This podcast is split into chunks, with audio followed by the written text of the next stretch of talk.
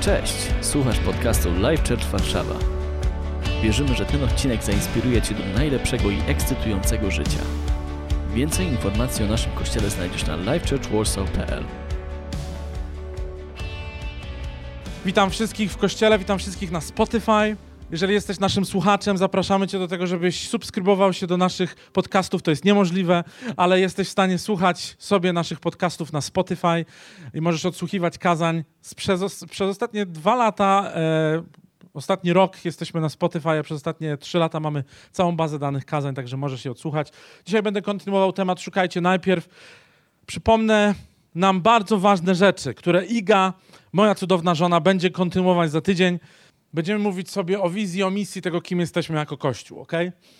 I podstawą, dziękuję, jedno ok. Reszta jest, e, zastanowię się. E, reszta ludzi jest zafascynowana e, tym, że stoi tutaj kwiat. E, on mi jest potrzebny jako ilustracja, nie przejmujcie się. Flora jest bardzo ważnym elementem naszego niedzielnego nabożeństwa. W zeszłym tygodniu mówiliśmy o tym, czym jest modlitwa. Pamiętacie? Jedna osoba.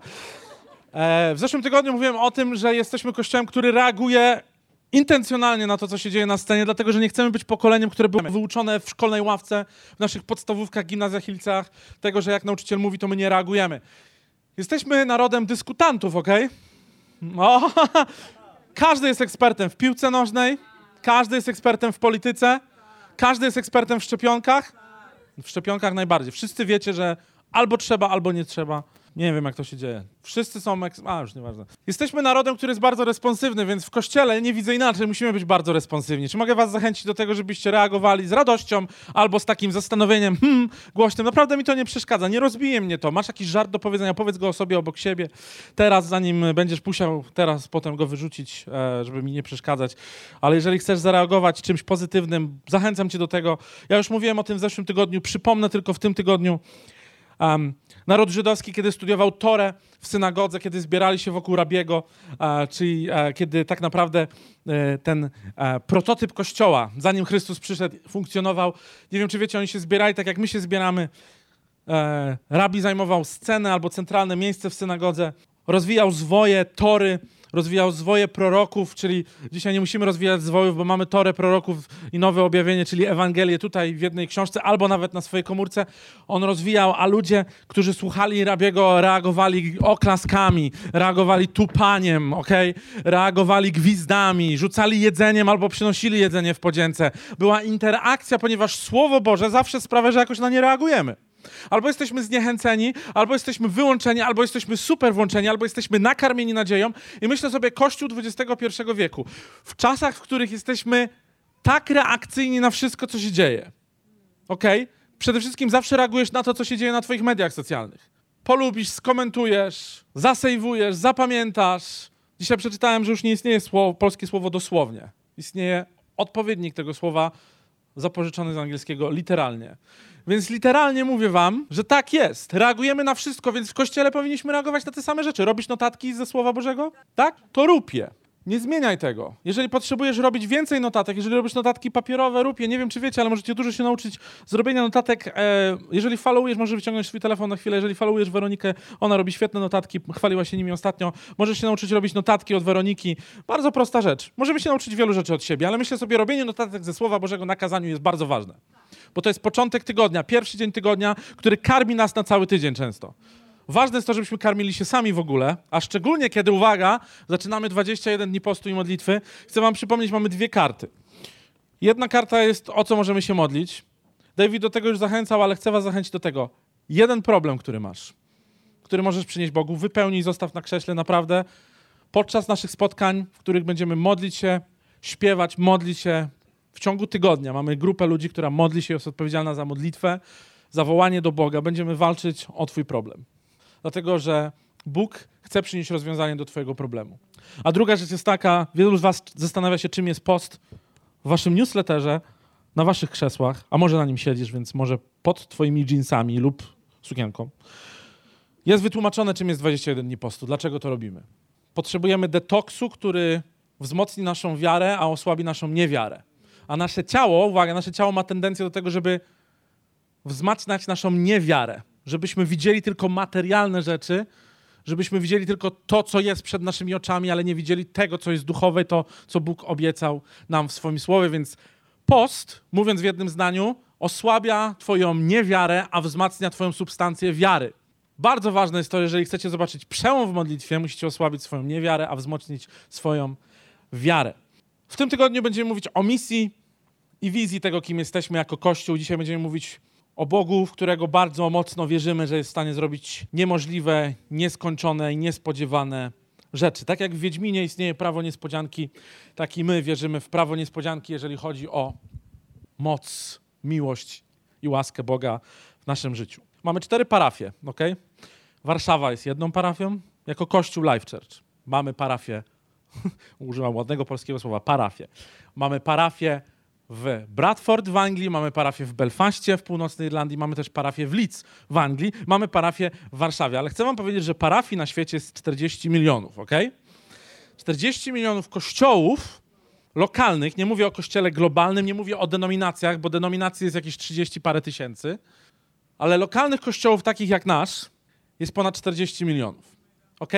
Kościoły mogą mieć trzy osoby, kościoły mogą mieć tak jak na przykład największy kościół w Korei, dziesiątki tysięcy ludzi, które spotykają się na stadionie kilka razy, bo nie mieści ich żaden budynek. Okay? Średnia wielkość kościoła, teraz wam wytłumaczę statystyki, średnia wielkość kościoła globalnie, nie w Europie, ale globalnie, to 23 osoby. Przekraczamy tą średnią prawie 6 razy. wow, no. amen. Są kościoły w więzieniach, są parafie na Syberii, są parafie na pustyniach, są parafie wszędzie. Kościół globalnie to jest największa instytucja, jaka kiedykolwiek powstała. Przypomina mi się zawsze spotkanie mojego przyjaciela pastora, który leciał kiedyś samolotem z Londynu do Hongkongu, siedział w samolocie i obok niego siedzi kobieta, która zainteresowała się tym, co czyta, a czytał sobie Biblię i zapytała się, co robi, kim jest. On jej zaczął opowiadać, no, że jest pastorem, a, czyta Biblię właśnie. No ona powiedziała, wow, a dla kogo pracujesz? I on wtedy, jakby usłyszał głos z nieba w samolocie, a był bliżej, powiedział, pracuję dla największej charytatywnej korporacji na świecie, która jest najstarsza, niezniszczalna i niepodważalna, która ma najzdrowszą kulturę, największy fundament, która zmieniła rzeczywistość ludzi na całym świecie. Stworzyła szpitale, szkoły, przedszkola, sierocińce, zmieniła bieg historii wielokrotnie, ratując ludzi, przebaczając ludziom. Ta kobieta tak słuchała, muszę, muszę mieć y, stronę twojej firmy. Jak się nazywa? On powiedział jej, pracuję dla kościoła. Ta kobieta, nie wiem, czy się nawróciła w tym samolocie, już tam nie będę teraz wymyślał legend chrześcijańskich, ale w każdym razie fajna bajka. Eee, znaczy to jest akurat prawda, ale ktoś by tam powiedział, ona na kolana padła w tym samolocie. Tak nie było, nie wiem. Fajne hasło w każdym razie, możecie sobie tam napisać na Instagramie. Jako cztery parafie, jako cztery kościoły, wierzymy mocno w naszą e, wizję i misję. I naszą misją jest to, żeby pomóc jak największej liczbie ludzi uwierzyć Jezusowi, znaleźć dom w Bożym domu i stać się wszystkim tym, do czego Bóg ich powołał. Inaczej wierzymy w to, że każdy z nas i każdy, kto przychodzi do nas, mamy trzy słowa, które to określają, trzy frazy. Znajdź dom, uwierz i stań się. Znajdź dom, uwierz i stań się, bo wierzymy, że do tego nas powołał lokalnie Jezus Chrystus, bo to Bóg powołuje swój Kościół lokalnie do zmiany i do transformacji. Jeżeli jesteś częścią naszego domu, to są nasze rzeczy. Wierzymy w to, że możemy, jesteśmy w stanie i budujemy ten dom od kilku lat.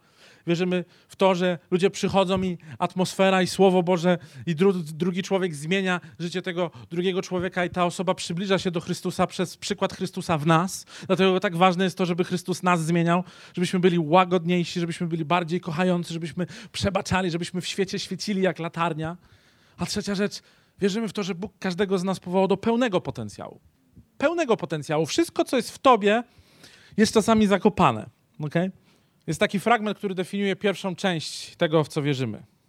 Okay? Definiuje to, że mamy pomóc jak największej liczbie ludzi uwierzyć w Jezusa. Uwierz. To jest jedna z tych rzeczy, którą dzisiaj chcę poruszyć. Nie wiem, w co wierzysz dzisiaj. Okay? Są ludzie, którzy wierzą w Jezusa, są ludzie, którzy wierzą Bogu, są ludzie, którzy wierzą w kłamstwa, mimo to, że wierzą Bogu, są ludzie, którzy wierzą w swoją przeszłość, bardziej niż w to, że Bóg może coś zrobić z ich teraźniejszością i zmienić ich przyszłość. Są ludzie, którzy bardziej wierzą głosowi swoich rodziców, swoich znajomych, swoich nauczycieli, swoich kolegów, swojego szefa, swojego współmałżonka, niż zaufają głos, zaufają w głos Boży, który jest nad ich życiem. Jest taki piękny fragment, który pobudza nas do wiary z Ewangelii Marka 9 rozdziału. Przeczytamy go sobie razem. Jezus powiedział mu, co się tyczy tego, jeśli coś możesz, to wszystko jest możliwe dla wierzącego. Historia jest taka, że przychodzi mężczyzna i ma chorego syna i przychodzi do Jezusa z taką myślą, nie za bardzo kumam koncept, nie za bardzo wierzę, to nam Ewangelię tłumaczą wcześniej w tym fragmencie, nie za bardzo wiem, kim jest Jezus, nie za bardzo wiem, z czym się je Kościół, nie za bardzo ufam tym wszystkim rzeczom, które słyszę na temat Kościoła, wiary, Boga, ale spróbuję. I przychodzi, ten człowiek przychodzi ze swoim chorym synem do Jezusa, a Jezus mu mówi, jeśli coś możesz, to wszystko jest możliwe dla wierzącego. Ojciec chłopca natychmiast wykrzyknął wierzę. Odwróć się do osoby obok siebie i powiedz wierzę. Zarać mojemu niedowiarstwu. Jezus zaś, gdy zobaczył, że zbiega się tłum, tak jak tutaj, skarcił ducha nieczystego. Duchu niemy i głuchy, powiedział Jezus do ducha, który był w tym chłopaku. Ja ci rozkazuję, wyjdź z niego i nigdy już do niego nie wchodź. Bardzo szczególna sytuacja, dlatego że przychodzi chłopiec, który jest opętany. Ok, opętanie to jest taka bardzo szczególna dyscyplina duchowa, w której nie chodzi tutaj o nękanie, nie chodzi o to, że zły duch ci przeszkadza, ale opętanie to jest ta faza nie będę tutaj już wchodził w szczegóły egzorcyzmów, ale to jest ta faza duchowego oddania się życiu, kiedy otworzyłeś swoje życie na nie te siły, co trzeba, na nie tą wiarę, co trzeba, na nie te moce, co trzeba. I tak naprawdę przyczepiają się do ciebie różne niewygodne, hamskie duchy, które zaczynają przejmować kontrolę nad twoim ciałem. I w takim miejscu był ten chłopak. Podaję wam fakty, nie podaję wam tutaj żadnych wymysłów, ale to są fakty biblijne, które Biblia nazywa opętaniem. Więc Jezus, widząc opętanego nastolatka prawdopodobnie, e, widząc, że tłum się zbiega, skarcił nieczystego ducha i mówi, duchu niemy i głuchy. Od razu go obraził, no bo tak najlepiej. Ja ci rozkazuję. Bo jeżeli ten duch nic nie mówi, jest głuchy, no to jak Jezus mu miał rozkazać? Teraz wam wytłumaczę. Jak Jezus mógł coś mu powiedzieć, skoro duch jest głuchy? Nie wiem, czy wiecie, ale bardzo dużo duchów jest głuchych i niemych. Inaczej, rzeczywistość duchowa, której czasami się boimy, ta taka rzeczywistość duchowa nie pochodząca od Boga i z Biblii, ona jest głucha i nie ma i ona nie ma żadnej mocy sprawczej w twoim życiu. Mamy bardzo dużo urojeń, mamy bardzo dużo zabobonów. Czarny kot przebiega mu drogę i myślimy sobie, ależ to jest potężne. Cały mój dzień będzie wywrócony. A ja wam mówię, że większość duchów, tak jak mówi Jezus, jest niemych i głuchych i jak Jezus coś rozkazuje, to tak się dzieje. Wyjdź z niego i nigdy już do niego nie wchodź. Wtedy duch krzyknął, bo był niemy i nagle dostał głosu. Mocno chłopcem szarpnął i wyszedł. Chłopiec był przez chwilę jak martwy. Wielu nawet mówiło, że umarł. Jezus tymczasem ujął go za rękę i podniósł a on wstał. Jedna prawda, która płynie z tego fragmentu jest taka, czasami myślisz, że umarłeś, ale tylko potrzebujesz tego, żeby Jezus złapał cię za rękę. Nie wiem, jaka sytuacja dzisiaj umarła w twoim życiu, nie wiem, co straciłeś, nie wiem, gdzie nie masz nadziei, nie wiem, gdzie się poddałeś, nie wiem, gdzie czujesz się jak martwy, zachowujesz się jak martwy, nie wiem, gdzie pokazujesz innym ludziom, że jest martwica, ale wystarczy czasami, że złapiesz Jezusa za rękę. Gdy przyszedł do domu, jego uczniowie pytali go na osobności, dlaczego my nie mogliśmy go wyrzucić. A Jezus im powiedział, ten rodzaj może wyjść tylko przez modlitwę i post. 21 dni modlitwy i postu zawsze na początku roku robimy dlatego, żebyśmy sobie uświadomili najfajniejszą i najpotężniejszą i najzdrowszą dyscyplinę, którą każdy wierzący człowiek, który oddał swoje życie Jezusowi Chrystusowi, wyznał go Panem, może zacząć praktykować w swoim życiu. Okay? Ta dyscyplina oznacza, że możemy dzisiaj praktykować naszą wiarę poprzez modlitwę i post. Jedna z najszczerszych modlitw, jaką znaleźliśmy w Biblii, jest właśnie w tym fragmencie. Ten człowiek, który nie wierzy, że Jezus jest w stanie coś zrobić, mówi: Nie mam pojęcia, co mam zrobić, chcę uwierzyć, wierzę, ale jest też materia, która jest niewiarą w moim życiu. O tym mówiłem w zeszłym tygodniu. Pomóż mojej niewierze. W tamtych czasach Żydzi byli bardzo świadomi, kultury, w której żyli. Byli świadomi tego, że jest wiara, którą daje Bóg i daje Słowo Boże, i wierzyli też, że jest niewiara, która potrafi wyssać elementy wiary. Dzisiaj nie wierzymy w niewiarę i wiarę, dlatego że trudno nam jest w racjonalnej zachodniej cywilizacji przyjąć to, że są niewidzialne rzeczy, ale kiedy już oddajemy Bogu nasze życie, zaczynamy wiedzieć i ufać. I kiedy czytamy słowo, zaczynamy widzieć i czytać, że jest duchowa rzeczywistość, która ma rację bytu w naszym bycie. że jest wiara i niewiara, że jest coś niewidocznego, co decyduje o Twoim myśleniu, i coś niewidocznego, co sprawia, że Twoje życie może się zmienić bezpowrotnie na lepsze. I o tej wierze mówi Jezus. Zarać mojemu niedowiarstwu.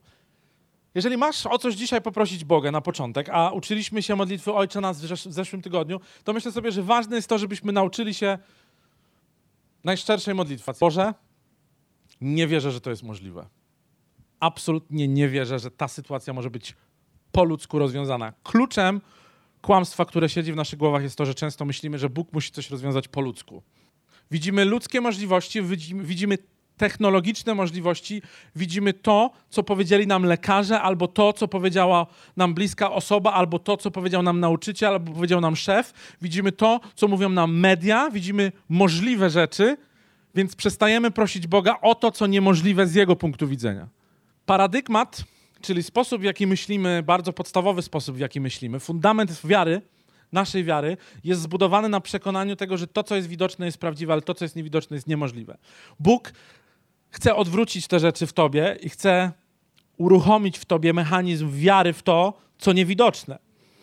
Innymi słowy, wierzę, tak jak mówi ten facet do Jezusa, który przyszedł ze swoim synem, wierzę, pokonaj moją niewiarę, bo sam nie daję rady, sam Boże nie ogarniam rzeczywistości.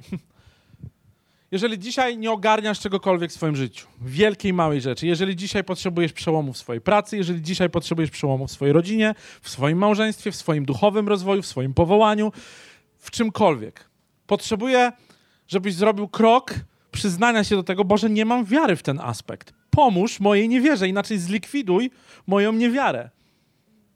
Zlikwiduj moją niewiarę. Jest na to sposób Jezus nam podał ten sposób. Sposobem na to, żebyśmy zlikwidowali naszą niewiarę, jest post i modlitwa. Za każdym razem, jak w coś nie wierzymy, że może się stać, potrzebujemy postu i modlitwy. Potrzebujemy przestać karmić się tym, co fizyczne, czyli jedzenie. Musimy zacząć karmić się tym, co duchowe, czyli Słowo Boże. To jedzenie musi zastąpić chleb nasz powszedni. Jezus zrobił dokładnie to samo. 40 dni postu i modlitwy, które Jezus był w stanie zrobić, bo był duchowo przygotowany do tego i był w stanie w duchowy sposób przeżyć 40 dni postu. Jezus był w stanie przeżyć tylko i wyłącznie dlatego, że karmił się słowem i był nakarmiony słowem i miał słowo w swoim sercu, w swoim umyśle i w swojej duszy. Przechowywał słowo. I kiedy diabeł go kusił, kiedy próbował mu dać jedzenie albo skusić go innymi rzeczami, Jezus odwoływał się do najwyższego autorytetu w swoim życiu, czyli słowu. Zanim Life Church Warsaw powstał, przez dwa lata pościłem po 40 dni. Nie jestem tak niesamowity jak Pan Jezus i nigdy nie będę, ale pościłem przez 40 dni na samych płynach. Pościłem przez 40 dni na wodzie, soku marchwiowym, pościłem po 32 dniach, kiedy już nie mogłem patrzeć na marchewki na jabłka, na ananasy. Musiałem zacząć mielić sobie jakieś brokuły z wodą, trochę soli.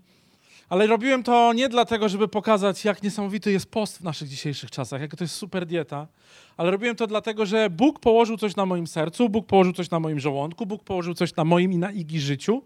I wiedziałem, że są rzeczy, które są niemożliwe w Boży sposób. Niemożliwe w Boży sposób, czy w ludzki sposób jest to, żebyśmy zaczęli budować Kościół, kiedy Bóg nas do tego nie powoła i nie przygotuje. Więc wiedziałem, że chcę się przygotować do tego jak najlepiej. Chcę, żeby Bóg mówił do mnie, bardziej niż mówi do mnie świat i rzeczywistość. Bo kiedy zacząłem się pytać ludzi wokół mnie, czy możliwe jest to, żebyśmy zbudowali fantastyczny kościół w mieście, w którym jest sporo kościołów, to ludzie, z którymi rozmawiałem, dobrzy ludzie, mówili mi, to jest niemożliwe. Nie potrzebujesz już tego robić, w dzisiejszych czasach kościoły umierają, Maciek. Już co, jest tyle fajnych kościołów, przyłączcie się do nas, zrobimy coś fajnego. Bardzo, bardzo cenna myśl, ale kiedy Bóg coś kładzie na twoim sercu, wiesz, że Bóg powołuje cię do czegoś szczególnego, w moim przypadku było to budowanie lokalnego kościoła, a w Twoim przypadku są ludzie, którzy mówią: ten projekt, ten biznes, ta relacja, to małżeństwo, to dziecko, to zdrowie jest niemożliwe do osiągnięcia. Świat tak będzie Ci mówił, tak Ci będzie komunikował, ale Bóg będzie komunikował Ci zupełnie inne rzeczy. Były takie mo momenty w życiu moim i Igi, w życiu naszego kościoła, w życiu naszych przyjaciół, w życiu naszych lokalnych parafii w Bradford, Leeds i Belfaście, że tylko prosta modlitwa i wiara uczyniły ogromną różnicę.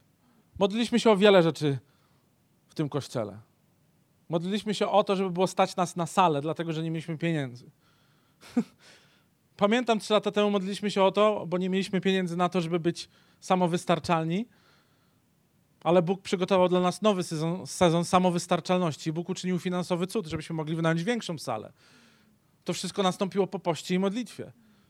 Modliliśmy się o wiele rzeczy i nadal modlimy się o wiele rzeczy, nigdy nie umniejszając Bogu, wiedząc, że przeprowadza nas przez proces. Ale czasami musimy wytrwać w modlitwie i w poście, żeby doznać pełni Jego łaski i zrozumieć, gdzie nas Bóg prowadzi. Musimy zyskać wiarę, która będzie niwelować naszą niewiarę. Jezus jest tak blisko nas. Dotknij osoby obok siebie, tak jak ją dotyka, złapią za ramię. Może nie dotykaj jej w jakiś dziwny sposób, a tutaj zostawiłem wam wolną interpretację. Ale Jezus jest tak blisko nas, rozumie nas, bo był człowiekiem i jest człowiekiem. I pomaga, pomaga ci uwierzyć w Boga i pomaga ci zrozumieć, że Bóg jest z tobą, jest tak blisko ciebie, jak druga osoba jest blisko ciebie. Mało tego, Biblia mówi nam, że Bóg jest bliżej nas samych niż nasza skóra. Dlatego, że jesteśmy duchowymi istotami. Jesteśmy świątynią Boga. Bóg mieszka w tobie, więc Bóg jest źródłem twojej wiary. Bóg jest w tobie, jeśli oddałeś mu swoje życie. Biblia mówi, jeżeli ustami swoimi wyznasz, że Jezus Chrystus jest Panem, z wiarą. Bóg stanie się częścią twojego życia. W tym rozdziale dziewiątym, który czytaliśmy, człowiek prosi Jezusa o pomoc. Kiedy mamy problem, może jeden, może kilkadziesiąt, bardzo łatwo jest stracić perspektywę perspektywę na to, że Bóg jest w stanie cokolwiek zrobić, dlatego że problem wydaje nam się większy niż Bóg. Problem wydaje nam się większy niż Bóg, dlatego że nie siedzimy we właściwej rzeczywistości, siedzimy w fizycznej rzeczywistości, która nie karmi naszej wiary. Dlatego problem, który jest często fizyczny albo często z tego świata, nie jest w stanie zejść nam z oczu i odsłonić nam prawdy innego świata, czyli Królestwa Bożego, które ma dla ciebie Bóg. A Królestwo Boże jest dobre. czytamy w liście do Rzymian, że Bóg działa we wszystkim, ze wszystkimi, którzy w Niego wierzą, ku dobremu. Bóg zaplanował to, co najlepsze tym, którzy Mu ufają. Innymi słowy, Jego wiara może przenieść Cię w miejsce, które jest dla Ciebie miejscem zaufania, miejscem transformacji, miejscem przemiany. Dzisiaj problem jest dla Ciebie perspektywą, która przysłania Ci perspektywę Bożego rozwiązania.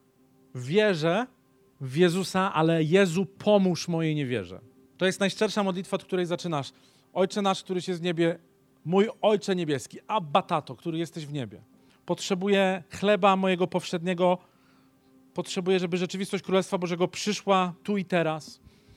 Ale potrzebuję też te rzeczy, które są w moim życiu, te rzeczy, których nie jestem w stanie zidentyfikować, żeby stały się reliktem mojej przeszłości, żeby niewiara została zniwelowana. Dlatego Jezus mówi, takie rzeczy, mój drogi, zmieniają się poprzez post, i modlitwę. Jeżeli chcesz duchowej transformacji, jeżeli chcesz zmienić siebie na podobieństwo Jezusa, jeżeli chcesz, żeby Jezus zaczął działać przez ciebie silniej, musisz zmienić to, co jesz. Jeżeli karmisz się fast foodem, nic dziwnego, że masz zły humor, masz pryszcze i boli cię brzuch. Złe jedzenie, czyli jedzenie niewiary, daje ci duchowe pryszcze, duchowy ból brzucha i duchową złą cerę jedzenie Słowa Bożego i dyscyplina jedzenia zdrowo. Mało tego, dyscyplina detoksu i oczyszczenia się z tego, co jest zbudowane na niewierze w Twoim życiu, na przykład opinia lekarska na Twój temat. Ja nadal w to wierzę i nadal to będę powtarzał, mimo że sam jestem w procesie. Wiele osób w naszym teamie jest w procesie, ale nigdy nie zaufam diabłu i nie zaufam światu w jego często fantastycznych i poinformowanych decyzjach do tego, że Bóg nie jest w stanie zrobić czegoś, czego ten świat nawet w dobrej wierze nie jest w stanie zrobić. Dlatego, że żyjemy na świecie, który ma ograniczenia, ale mamy Boga, który powołał nas nie, nie do ograniczonego życia, ale do nieskończonego życia. Ogród Eden, ogród Eden był takim miejscem, w którym Adam i Ewa żyli ciągle w tej rzeczywistości. Żyli w ogrodzie pełnym Bożej wiary. Oni, oni nawet byli nadzy, bo nie przyszło im do głowy, że muszą się wstydzić tego, kim są, dlatego że nie było wstydu. Nie było problemów. Bóg chodził z nimi codziennie, a potem przez ich grzech Bóg przestał chodzić z nimi codziennie. Musieli chodzić do świątyni, musieli budować świątynię ludzie i musieli składać ofiary, a potem przyszedł Jezus i powiedział: Straciliście ogród, który był dla was waszą codziennością. Ale ja wam chcę ten ogród przyprowadzić. Wasze chodzenie z Bogiem na co dzień wasza rzeczywistość wiary może stać się waszym udziałem tu i teraz. I teraz. Bóg kocha robić niemożliwe rzeczy i chce, żebyś chodził w atmosferze niemożliwych rzeczy. Jest w stanie zrobić więcej tu i teraz w Twoim życiu. List Judy 1,20, tam jest tylko jeden rozdział, to jest najkrótszy list. Jak chcecie zacząć czytać Biblię, to zacznijcie od tego listu, tam jest tylko jeden rozdział. Nowy Testament, list Judy. 20 werset mówi tak, ale wy, kochani, Tak jakby był w Life Churchu Juda. Kochani. Ale wy, kochani, budujcie się w swej najświętszej wierze. Podstawa, musisz przestać karmić się nie wiarą, a zacząć karmić się wiarą, która płynie ze słowa, która płynie z serca Boga, która płynie z Jego miłości i łaski do ciebie. Co wygląda na niemożliwe dzisiaj w Twoim życiu? A w co wierzysz Bogu? Co jest niemożliwe, a w co wierzysz Bogu? Co jest od lat niemożliwe do pokonania dla Ciebie, ale w co chciałbyś uwierzyć Bogu dzisiaj? Prosta modlitwa jest taka, Boże, nie wierzę w to, że jesteś w stanie to zrobić. Musimy stać się dzisiaj Tomaszami, ok? Tomasz nie wierzył, że Jezus zmartwychwstał i to jest Jezus z tymi dziurami w nadgarstkach czy w dłoniach, jakkolwiek tradycja chrześcijańska będzie nam podawać. Ale wiecie, Tomasz przyszedł, wsadził palec i uwierzył. Czy Bóg ma mu to za złe? Nie, Kościół miał mu to za złe. Kościół historycznie nazwał go niewiernym Tomaszem. Dla mnie Tomasz mega. No jakbym zobaczył Jezusa i myślę sobie, nie no, przepraszam, Panie Jezu, muszę się napić kawy, muszę zobaczyć, czy się nie przelewa. Myślę sobie, musisz naprawdę zacząć testować Boga. To nie jest grzech testować Boga. Musisz powiedzieć, Boże, nie wierzę. Gideon testował Boga, Tomasz testował Boga, Natanael testował Jezusa, pytając się go o pytania. Nowy Testament i Stary Testament jest pełen testów Boga. Okay? W księdze Malachiarza prorok mówi: testujcie Boga, przetestujcie jego spichlerza, dajcie do jego spichlerza, siejcie i zobaczcie, czy Bóg naprawdę pomnoży wasze plony. Nie wiem, czy dzisiaj masz niewiarę w jakiejś kwestii, bo wierzę, że tak, bo ja mam niewiarę w wielu kwestiach. Sposobem na leczenie niewiary jest zaaplikowanie sobie dawki wiary i post po to, żeby przeżyć detoks. Chcesz detoks brzuszka? Pij soczki. Chcesz detoks swojej duszy? Karm się słowem.